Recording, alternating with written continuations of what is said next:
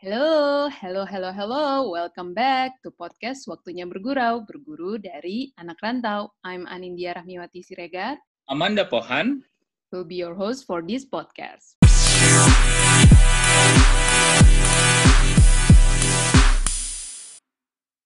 Hai teman bergurau, selamat datang kembali. Halo, halo. Halo, halo teman bergurau. Apa kabar? Semoga semua dalam keadaan sehat. Di tengah kondisi kayak sekarang ini ya, pokoknya yang paling penting adalah kesehatan yang terus harus dijaga. Dan jangan lupa untuk menjaga kesehatan, kita juga harus mengikuti semua protokol yang ditetapkan sama pemerintah ya, Nat ya. Pastinya dong, kita di mana pun kita berada, kita harus menerapkan protokol kesehatan. Nah, kita juga ini uh, sekarang podcast kita tetap menggunakan uh, conference call, jadi uh, karena PSBB juga, jadi kita via Zoom call. Jadi kalau misalnya ada uh, suara agak naik turun, mohon dimaklumi saja kalau begitu. Ya, tapi kita selalu memberikan yang maksimal nih untuk teman bergurau. Sama seperti episode kita di minggu ini, Nat. Di episode kali ini, kita ya. juga ingin menghadirkan cerita baru dari teman-teman kita yang luar biasa. Selain kita akan ngobrol soal perjuangan mereka waktu merantau dulu, waktu zamannya kuliah, lalu sampai membangun bisnis dia yang pastinya teman bergurau sudah tahu nih nama brandnya. Nanti kita akan minta mention sama yang punyanya langsung kali ya gitu ya Nat ya? Pastinya dong, gue aja udah penasaran banget. Intinya adalah mungkin gue kasih prolog sedikit ya. Uh, mereka itu berdua, mereka sahabatan, uh, mereka punya satu brand ini udah cukup lama, uh, dan mereka sempat tinggal di Melbourne dan mereka itu roommate, deh kan? Kayaknya luar biasa nggak tuh? Penasaran gak sih, Dak? Lu udah paling hafal karena lu salah satu uh, loyalty klien yang mereka kali ya. Oh iya lu dong, satu... karena gue selalu sering cepet-cepet ini, cepet-cepet order, Bo. ya udah, kita langsung aja ya, kenalin ya, Dak ya.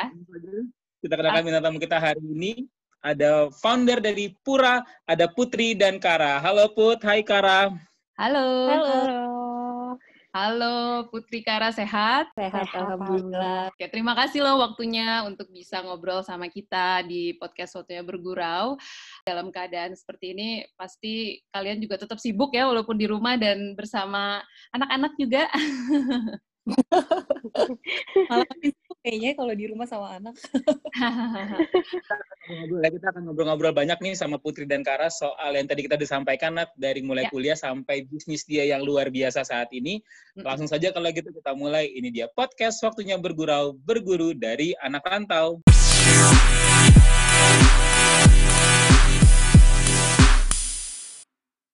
Oke, okay, uh, eh, Putri dan Kara, tadi aku sempat share juga ya ke teman bergurau kalau dulu tuh sempat tinggal di uh, Aussie waktu di Monash University ya, dan kalian juga uh, sahabatan nih dan sampai roommate. Mungkin bisa share lebih detail lagi. Kalian dulu ngambil jurusan apa, terus um, apa namanya sekarang juga pasti lagi sibuk sama pura kan? Gak ada hubungannya sama sekali sebenarnya sama fashion. Jadi aku bener-bener belajar tuh tentang ya mungkin lebih gimana caranya memanage perusahaan aja kali ya. Karena aku bener-bener belajar itu bisnis. Oke. Okay. Satu jurusan sama Kara? Kalau aku waktu di uh, communication. Jadi sebenarnya aku majornya tuh di marketing, public relations sama journalism. Jadi nggak ada hubungannya okay. juga sama fashion. Oh wow, jadi luar biasa banget. Terus kalian sempat tinggal di Melbourne berapa tahun tuh berarti ya? Ntar ngitung dulu ya. Kita kapan sih nyampe? Gue lupa Kayaknya gue duluan ya. Kayaknya oke okay, uh, gue eh ya aku nyampe di 2006 akhir. Jadi okay. juga ya eh. Gue 2017 setengah. Tapi gue stay-nya lebih lama daripada lo. Gue lanjut kan habis itu. Jadi kayak gue oh, lima iya. tahun. Oh, gue okay. balik tuh 2012, 2013. Ya, gue empat setengah tahun. Okay. Kita gapnya dikit sih ya. Mm -mm, gapnya dikit. Oh, karena sempat kerja juga di sana setelah. Uh, mm -mm, aku sempat lanjut kerja di situ juga soalnya. Oke okay, oke. Okay.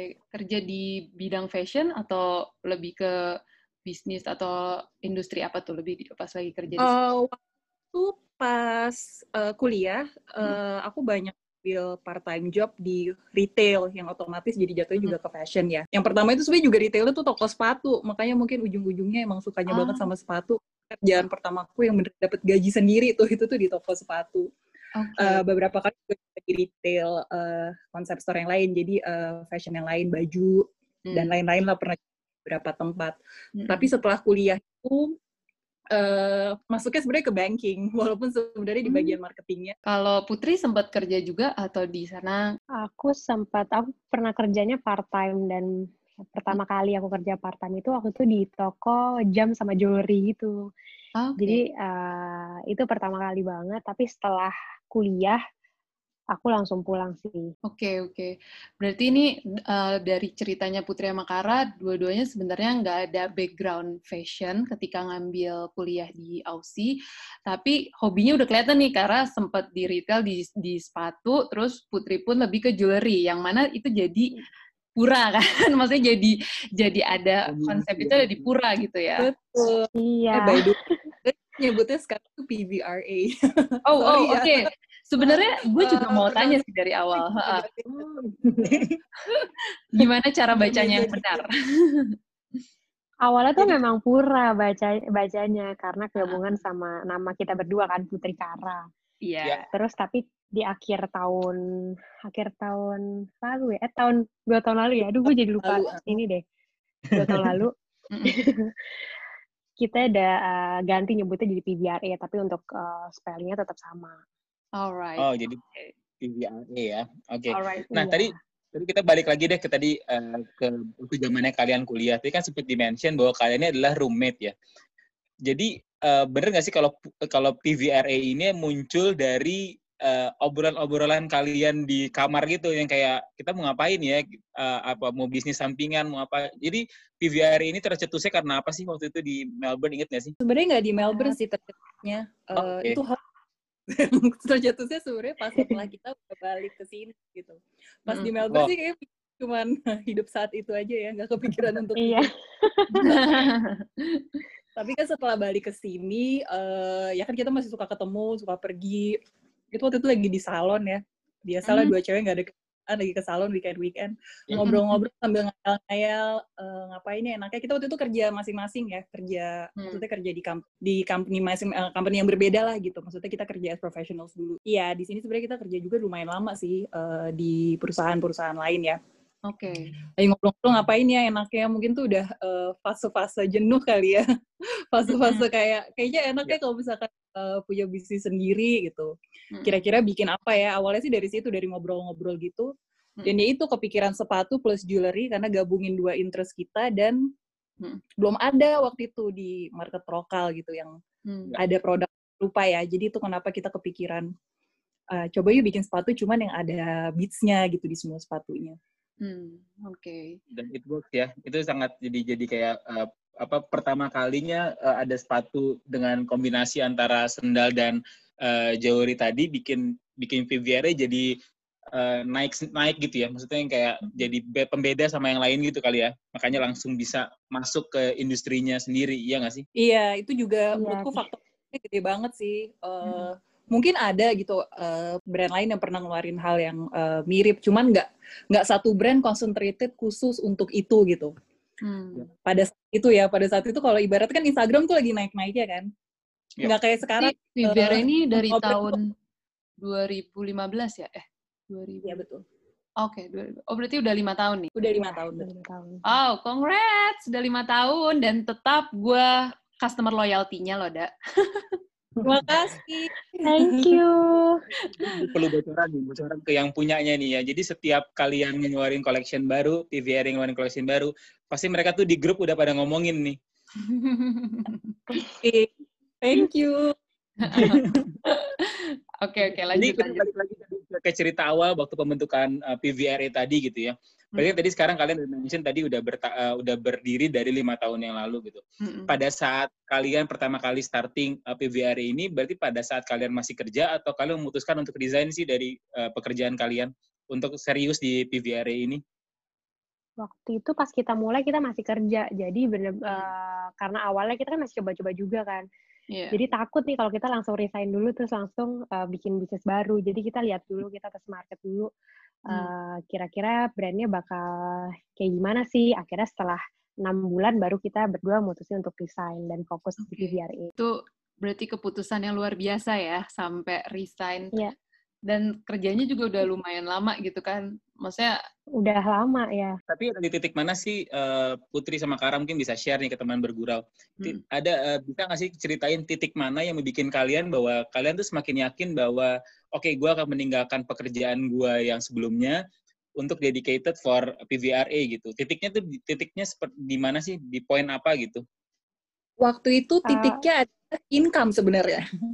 Ketika okay. PVRA masih kita income uh, bahkan lebih besar dibanding gaji kita saat itu gitu. Dan wow. di situ kita mikir hmm. either uh, dijadiin sampingan terus, uh, hmm. jadi kita tahu dia akan segitu-segitu aja berarti atau enggak ya udah berarti kita nekat nih uh, resign dengan uh, ibaratnya kayak jump in ke sesuatu yang agak nggak pasti kan bisnis baru gitu baru enam bulan. Hmm.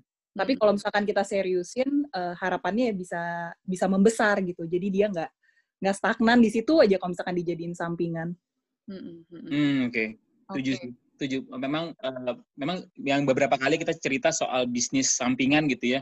Justru itu akan semakin lebih besar kalau kita punya fokus penuh ke bisnis tersebut gitu. Jadi banyak yang yang memutuskan untuk uh, meninggalkan pekerjaan lama untuk fokus ke pekerjaan baru dan hasilnya booming sama seperti VVRA ya Nat ya. Iya, benar. Pastinya sih, Da. Itu pasti keputusan besar banget dan mungkin ada pertimbangan karena menjadi seorang ibu, menjadi seorang istri juga kali ya. Jadi waktunya lebih fleksibel kan ya, mungkin Putri dan Kara ketika resign. Iya banget. Iya, betul, betul. Jadi itu bisa menjadi semangat. Gue sangat menarik nih ngelihat perjuangannya PVRA dari pertama kali sampai lima tahun sekarang bisa menjadi uh, PVRA yang sekarang gitu yang dikenal banyak orang yang punya banyak store gitu ya. Hmm. Uh, waktu kalian bangun ini uh, ada nggak sih perjuangan-perjuangan yang bikin kalian kayak ih gue tuh gini-gini amat sih waktu bangun awal PVRA itu bisa di-share nggak sih? Ada nggak sih cerita-cerita menarik waktu kalian bangun awal PVRA ini? Banyak sih. Salah satunya tuh mungkin pas pertama kali karena kita benar-benar ngerjainnya berdua ya. Jadi hmm. kita dari pertama kali nyari vendor, kita nyari uh, tempat untuk bikin sepatu tuh kita benar-benar nyari sendiri gitu. Kita benar-benar sampai bisa kita datengin ke tempat-tempat, kita masuk ke uh, apa ibaratnya kayak berusukan gitu ya. Iya, yeah, yeah. Kita benar-benar berdua gitu, berdua dan itu tuh uh, kita berapa banyak ya? Mungkin lebih dari 20 tempat sih kayaknya. Oh wow. Banyak kita, banget. Kita nyamperin, iya, dan uh, sampel yang datang itu pastinya nggak semuanya bagus ya, karena sampai yeah. kita pas ada sampel datang terus kayak, ya ampun kok gini banget ya gitu. kita sampai nggak yakin nih bisa nggak ya sebenarnya kita bikin ini. Mm-hmm. Tapi akhirnya uh, ya kita terus tetap nyari, akhirnya kita bisa nemuin satu uh, vendor yang cocok sama kita gitu. Mm-hmm. Awal-awalnya itu sih benar-benar cerita-cerita yang kalau sekarang diingat-ingat lagi, ya ampun lucu banget ya karena dulu kita bener-bener ngerjain berdua dan sampai uh, kayak kita ngirim-ngirimin barang itu semua tuh kita nulisin satu-satu sendiri kita kirimin semua ke JNE itu kita ngerjain semuanya berdua waktu itu. Wow. iya bener. Ngangkat dus ya tuh ke dalam iya. bagasi mobil.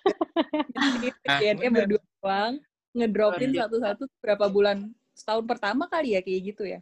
Dan oh, mungkin iya, karena kita setahun, ya. kan backgroundnya bukan fashion ya. Jadi in terms of technical skill itu kita lack of kan sebenarnya kan. Iya. Yeah. Uh, kita lebih strongnya tuh di business side lah bisa dibilang gitu untuk jualan sama untuk uh, ngatur bisnis flow-nya. Mm-hmm. Tapi uh, jadi ketika kita harus mikir nih misalkan ada suatu produk yang perlu pemakaian lem gitu. Kita nggak mm. ada ilmunya. Lem mana nih yang paling bagus untuk dipakai? Itu kita nyobain banyak banget sampai ada masanya tangan kita tuh bisa kayak nempel gara-gara pakai lem gitu. Di tangan kita tuh selalu ada bekasnya. Tau gak sih kalau kena tangan? Lem kena tangan terus jadi keras. Hmm, ada yeah, bekasnya. uh, nah itu mungkin untuk kayak enam bulan di fase hidup kita tangan kita kayak gitu terus kali ya. Ampun sampai keriput keriput ya pasti ya karena lem iya. itu kan. Iya kita kering kering gitu. Ya, oh. tangan mulus tuh rasanya aneh ya sekarang ya. Dulu kayaknya bener. Sampai segitunya.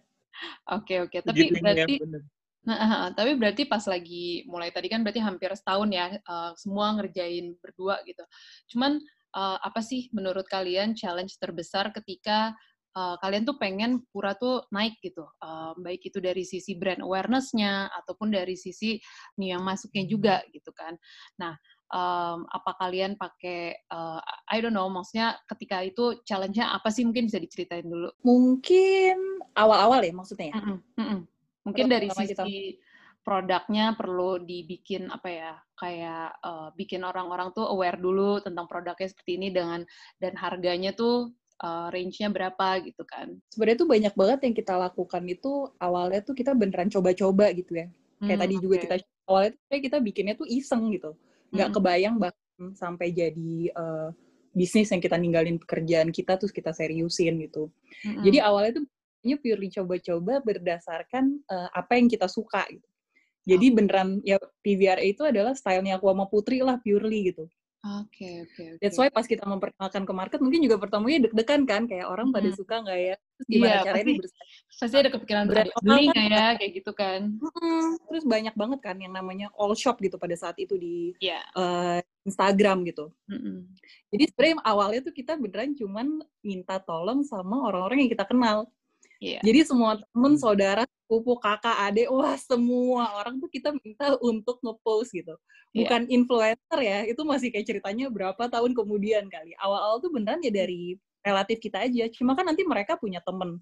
Temennya punya yeah. temen yang mereka, walaupun followers juga nggak banyak gitu, 500, 600 followers is oke okay gitu. Tapi itu kan ke expose-nya jadi ke inner circle yang bener-bener uh, pendapatnya itu menurutku juga jadi valid banget ya karena hmm. kayak orang beneran lah gitu ibaratnya gitu mereka bener-bener uh, nge-share kalau misalkan ada produk baru dan kita waktu itu bikin video pertama tuh juga yang simple tapi eye catching lah produknya bener-bener kelihatan hmm. dan mungkin karena ini orang belum pernah lihat sebelumnya orang jadi excited kita bikin barang tuh yeah. waktu itu 72 pasang ya Put ya Iya, 72. Alat pertamanya banget. Itu kan okay. kita masih kerja ya, jadi kita mikir, eh cari angka yang aman buat jualan tiga bulan ke depan. Itu yeah. surprisingly di tiga minggu pertama, kita juga sampai kaget. itu, kita masih yang megang WhatsApp-nya ya. Jualannya lewat WhatsApp. Lewat WhatsApp. Itu kita gantian tuh handphone, di rolling. Karena kan aku kerja, Putri kerja. Iya. Dan kita. Bukan bos ya maksudnya kita jadi kita punya bos. Jadi tuh di, di laptop apa diem-diem tuh sebenarnya lagi balas-balasin WhatsApp customer pesan. Iya pasti ya buat side iya, job kan waktu itu kan ya. Iya unforgettable banget deh kayak beneran ya sampingan gitu. Iya yeah, itu kita kan tiba yang mestinya stok kita siapin buat tiga bulan ternyata tiga minggu habis gitu. Yeah. di situ kita juga langsung kayak wah gimana nih restoknya orang belum ada plan apa-apa pada saat itu belajar wow. banyak lah tuh luar biasa. Maksudnya itu benar-benar dari nol dan semuanya tuh ada prosesnya juga ya sampai akhirnya uh, besar seperti sekarang ini. Kalau iya. pas lagi di awal nih uh, marketing campaign-nya berarti fokus hanya di Instagram kan ya? Atau iya betul. sama iya. tadi uh, video juga kan ya? Even sebenarnya sampai sekarang pun uh, majority marketing activity kita tuh purely dari Instagram. Ibaratnya Instagram tuh the biggest, the strongest platform yang kita punya lah dan kita maintain benar-benar ke situ gitu. Oke, okay, oke. Okay. Padahal sebenarnya website juga ada kan ya? Uh, ada untuk jualannya di website, tapi untuk bikin apa ya, ngebahas sesuatu, hmm. ngelaunching produk baru itu semuanya tuh komunikasinya via Instagram. Alright. Yeah. Jadi pas lagi awal-awal tuh ikut apa namanya ada uh, kerjasama juga dengan beberapa influencer gitu kan ya, pas lagi mau apa namanya pas di setahun pertama gitu.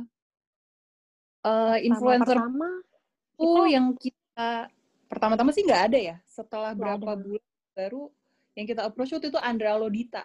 Makanya kalau misalnya oh. kayak ngelihat kenapa Pura TBRA sering banget uh, apa-apa Andra apa apa Andra gitu kan karena sebenarnya dia tuh influencer pertama yang bantuin kita pada saat itu dia lagi hamil aku ingat banget dia hamil okay. Hmm, uh, eh, okay. anak pertamanya uh, dan sendal kan cocok ya buat buat ibu hamil hmm. gitu yeah. pasti kan pengen sendal yang nyaman kan makanya waktu yeah. itu kita coba approach dia juga based on uh, temennya temennya temennya temen selalu kayak gitu kan biasanya mm -hmm. gitu. betul betul Iya dan ya thankfully responnya bagus, dia juga suka produknya uh, dan dia emang yang kalau ngepost kalau misalkan emang dia suka beneran gitu sama produknya dan di situ kita lihat kita tunjukin koleksi kita apa aja, dia hmm. pilih uh, ya udah akhirnya dia pakai dia posting di Instagram gitu. Okay. Sebenarnya itu juga metode yang kita pakai sampai sekarang sih. Uh, kita jarang maksudnya dibilang uh, buat postingan yang fully berbayar gitu ya. Hmm. Lebih kalau misalkan suka kita share jadi mereka benar-benar share mereka posting karena mereka emang suka produknya gitu mm-hmm. ya. oke okay, okay. tapi kalau dari kalian berdua nih ya gue mau mau mau tanya sih sekarang perasaan kalian seperti apa sih ngelihat uh, ngelihat PVRA yang uh, sudah menjadi seperti sekarang ini gitu ya, punya banyak uh, offline store, terus juga mm-hmm. penjualan online dan offline-nya juga luar biasa gitu. Apalagi sekarang kalian punya uh, sudah go internasional gitu. Menyangka akan akan sebesar ini atau atau seperti apa sih perasaan kalian? Sekarang jujur sih senang banget ya kalau misalnya nyangka apa enggak. Awalnya sih nggak nyangka sama sekali ya karena kita benar-benar Iya, kita benar-benar ya itu dari awal yang obrolan iseng aja kita karena mungkin lagi jenuh kerja, terus kita pengen bikin sesuatu, uh, benar-benar mulainya dari awal dari nol hmm. dan bisa sampai kayak gini kita senang banget sih kayak dari setiap tahun tuh kita uh, selalu selalu uh, apa ya bikin kayak ada excitement baru aja gitu kayak misalnya kemarin tiba-tiba kita udah fashion show yang yeah. ke luar negeri gitu itu kayak setiap yeah. tahun tuh achievement uh, achievement yang besar lah buat kita. Gitu. Berarti kemarin tuh udah ke mana ya? Ke Seoul ya, sama ke sama ke London. Sama ke iya. London. Wow, oke, okay, luar biasa. Berarti mereka sudah mencapai ke kancah internasional loh, Dak, brandnya PVRA ini. Jadi buat buat teman bergurau juga ya yang yang mau sekarang memulai starting bisnis gitu ya. Jadi jangan pernah berhenti uh, membatasi atau uh, ya pokoknya kita jalanin aja dulu bisnisnya seperti apa nanti kita serahkan kepada Tuhan membawa membawa bisnis ini menjadi seperti apa mungkin yeah. cerita Putri dan Tara tadi bisa menjadi salah satu bukti bahwa cuma karena dari omongan dari salon mereka yang nggak yang yang pengen nyari bisnis sampingan sekarang mereka uh -huh. bisa go internasional dengan bisnis yang mereka bangun itu. Jadi luar biasa sih. Iya intinya jangan menyerah ya pastinya. Oke, okay, uh, eh, mungkin satu hal lagi nih, aku pengen nanya, uh, penasaran nih ya, karena sebagai customer loyalty-nya PVRA, karena menurutku uh, marketing kalian tuh oke okay banget dengan salah satunya tuh cara penjualan, cara penjualan kayak uh, apa namanya hanya dibuka beberapa menit gitu. Jujur itu gue sampai uh, saudara gue tuh sampai kayak nitip ke gue. Terus dari itu uh, karena tahu internet gue lagi yang paling kenceng lah ya intinya. Terus itu kayak semua orang sampai nyari-nyari uh, siapa nih yang internetnya paling kencang terus supaya bisa dapetin slotnya pura gitu. Itu salah satu uh, apa strategi yang luar biasa banget sih menurut gue. Emang kalian rancang seperti itu atau gimana tuh? Sebenarnya uh, ketika kita launching, misalkan kita jualan awal-awal tuh ya, kita keluarin new collection, terus iya. tiba-tiba yeah. dalam berapa bis itu. Itu sebenarnya di luar, itu bukan strategi sama sekali. Okay. Kayak bener-bener itu produknya kita masukin semua dan bener-bener habis dalam waktu tiga menit tanpa iya. kita nge produk. Iya, karena banget. orang uh, orang banyak yang ngira itu strategi marketing kan. Iya. Dalam arti kita uh, launchingnya tuh kita kita bagi-bagi gitu. Nanti tiba-tiba kita bilang restock. Hmm. Sebenarnya enggak ketika kita restock itu kita emang beneran restock. Awal-awalnya emang beneran uh, produk yang kita buat ternyata demandnya lebih gede gitu. Pada saat itu kan kita juga masih hati-hati banget kan bikin produk iya. nggak yeah. langsung uh, sebanyak sekarang gitu.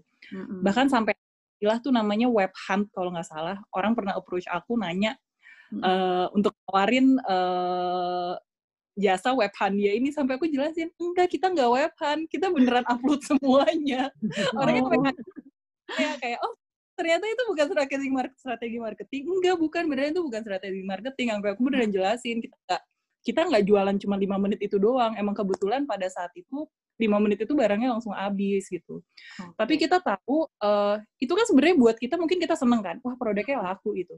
Yeah. Tapi di satu sisi lain tuh customer banyak yang kecewa sebenarnya sama kita gitu, oh, karena mereka ngerasa nggak sih jualan gitu. Berapa oh. sih yang dibikin?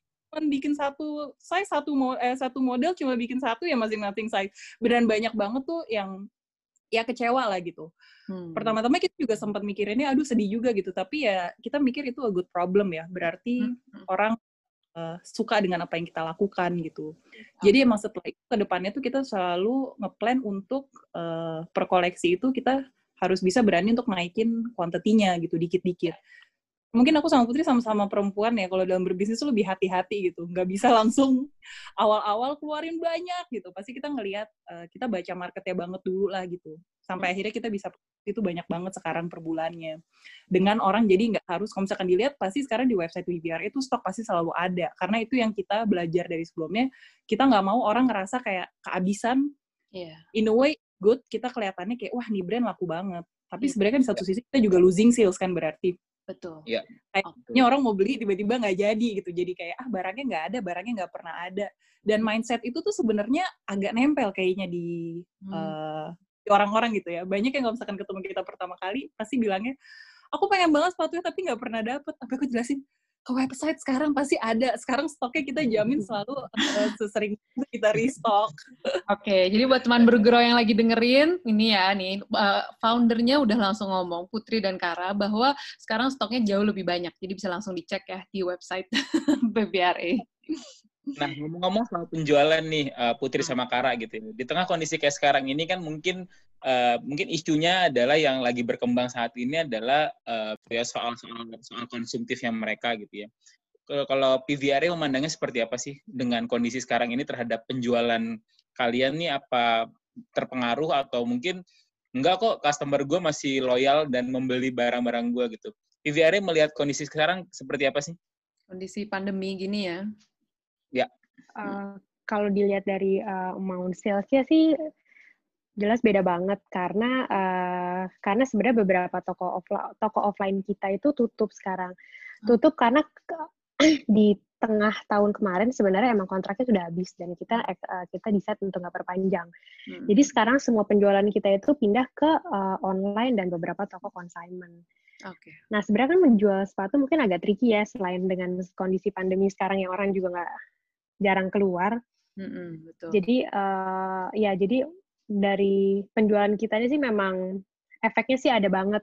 Kan Hmm. kita kena banget impact-nya dari pandemi ini. Cuman eh, lagi-lagi kita juga berusaha supaya bikin produk-produk yang apa aja sih yang sekarang sebenarnya dipakai sama customer-customer kita gitu. Sebenarnya eh, produk-produk yang emang relate lah sama kondisi sekarang ini. Kalau salah sekarang juga PVRA ngeluarin masker juga ya.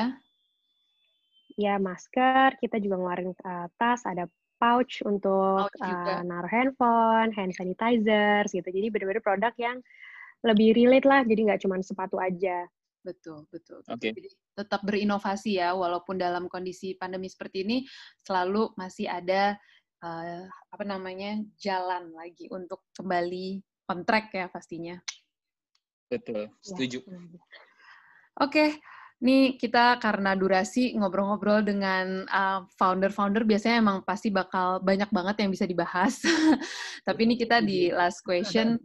Uh, mungkin ada tips nih sedikit dari Putri dan Kara gitu. Uh, untuk teman bergurau yang mungkin sekarang lagi mau memulai bisnis fashion dengan ya mungkin dengan kondisi pandemi seperti ini mereka lebih banyak di rumah dan tercetus ide wah pengen bikin nih uh, sepatu atau san- sendal gitu kan bisnis.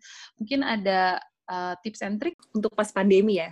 ya Eh, Kira in general aja kali ya. ya boleh Kalau- boleh in general juga nggak apa-apa benar eh, start small sih. Dalam arti kita modal tuh cuma 5 juta per orang. iya Eh, Iya. bener- duit sendiri yang itu kita kembangin eh, tiap bulannya gitu. Hmm. Itu lebih berasa eh, apa ya? Lebih berasa susah payahnya dibanding kita pakai uang orang lain kalau kita personally ya. Mhm. Dan karena kita bener-bener start small, kita tuh bener-bener menurutku kita berkembang sesuai dengan pace kita gitu. Tanpa kita menghiraukan orang lain tuh ngelakuin apa sih pada saat itu gitu. Hmm. Jadi beneran kita coba untuk nggak ngelakuin sesuatu yang di luar eh, kemampuan kita lah. Kayak misalkan kayak buka buka toko gitu. Buka Hmm. toko tuh suatu hal yang kita impi-impikan gitu. Tapi kita ngelakuin itu setelah kita benar-benar siap di tahun ketiga waktu itu. oke Itu Ya. pun juga eh, tokonya pop up, jadi kita nggak berani permanen juga. Iya. Jadi benar-benar dari pop up satu, wah ternyata bagus banget responnya. Kita kaget banget kalau misalkan orang antusias sekali ketika kita pindah ke offline. Itu tuh apa ya, euforianya beda banget deh, kayak totally different market. Orang juga responsnya benar-benar sesuatu hal yang benar-benar eh, kita kaget banget dan kita appreciate banget. Dan itu sebenarnya berlanjut tuh dari tahun ketiga, tahun keempat, sampai tahun kelima sekarang gitu. Mhm. Tahun lima sekarang, eh mustinya itu kita planning untuk buka eh, toko permanen tuh di tahun kelima ini gitu. Oke. Cuman kan ternyata terjadi pandemi ini, jadi ibaratnya mimpi itu kita hold dulu lah sekarang gitu. Iya. Dan mungkin eh, tips dari aku sih, kalau hal kayak gini terjadi gitu, ini kan sesuatu yang beyond our control lah si corona ini siapa sih yang pernah kebayang kayak mimpi gitu ini tiba-tiba kejadian gitu. Betul. Iya. Setuju. Mungkin tips dari aku adalah harus eh, bisa cepat beradaptasi dan berinovasi sih. Kayak Iya. dari kita yang tadinya cuma konsentrasi di jualan sepatu gitu, Hmm. Kita harus mikir untuk gimana caranya kita menghasilkan uh, uang dari tempat lain gitu. Karena kan kayak tadi Putri bilang, orang kan stay at home ya, jadi hmm. sebenarnya agak aneh juga. Ayo beli sepatu buat apa gitu. Tapi kan kita hmm. sebenarnya juga encouraging orang untuk home juga. Jadi hmm. ada dilema juga kan di situ. Jadi that's why kenapa kita sekarang bikin beberapa line baru uh, yang bisa ngakomodir orang untuk both stay at home sama ngejalanin yang namanya new normal ini gitu.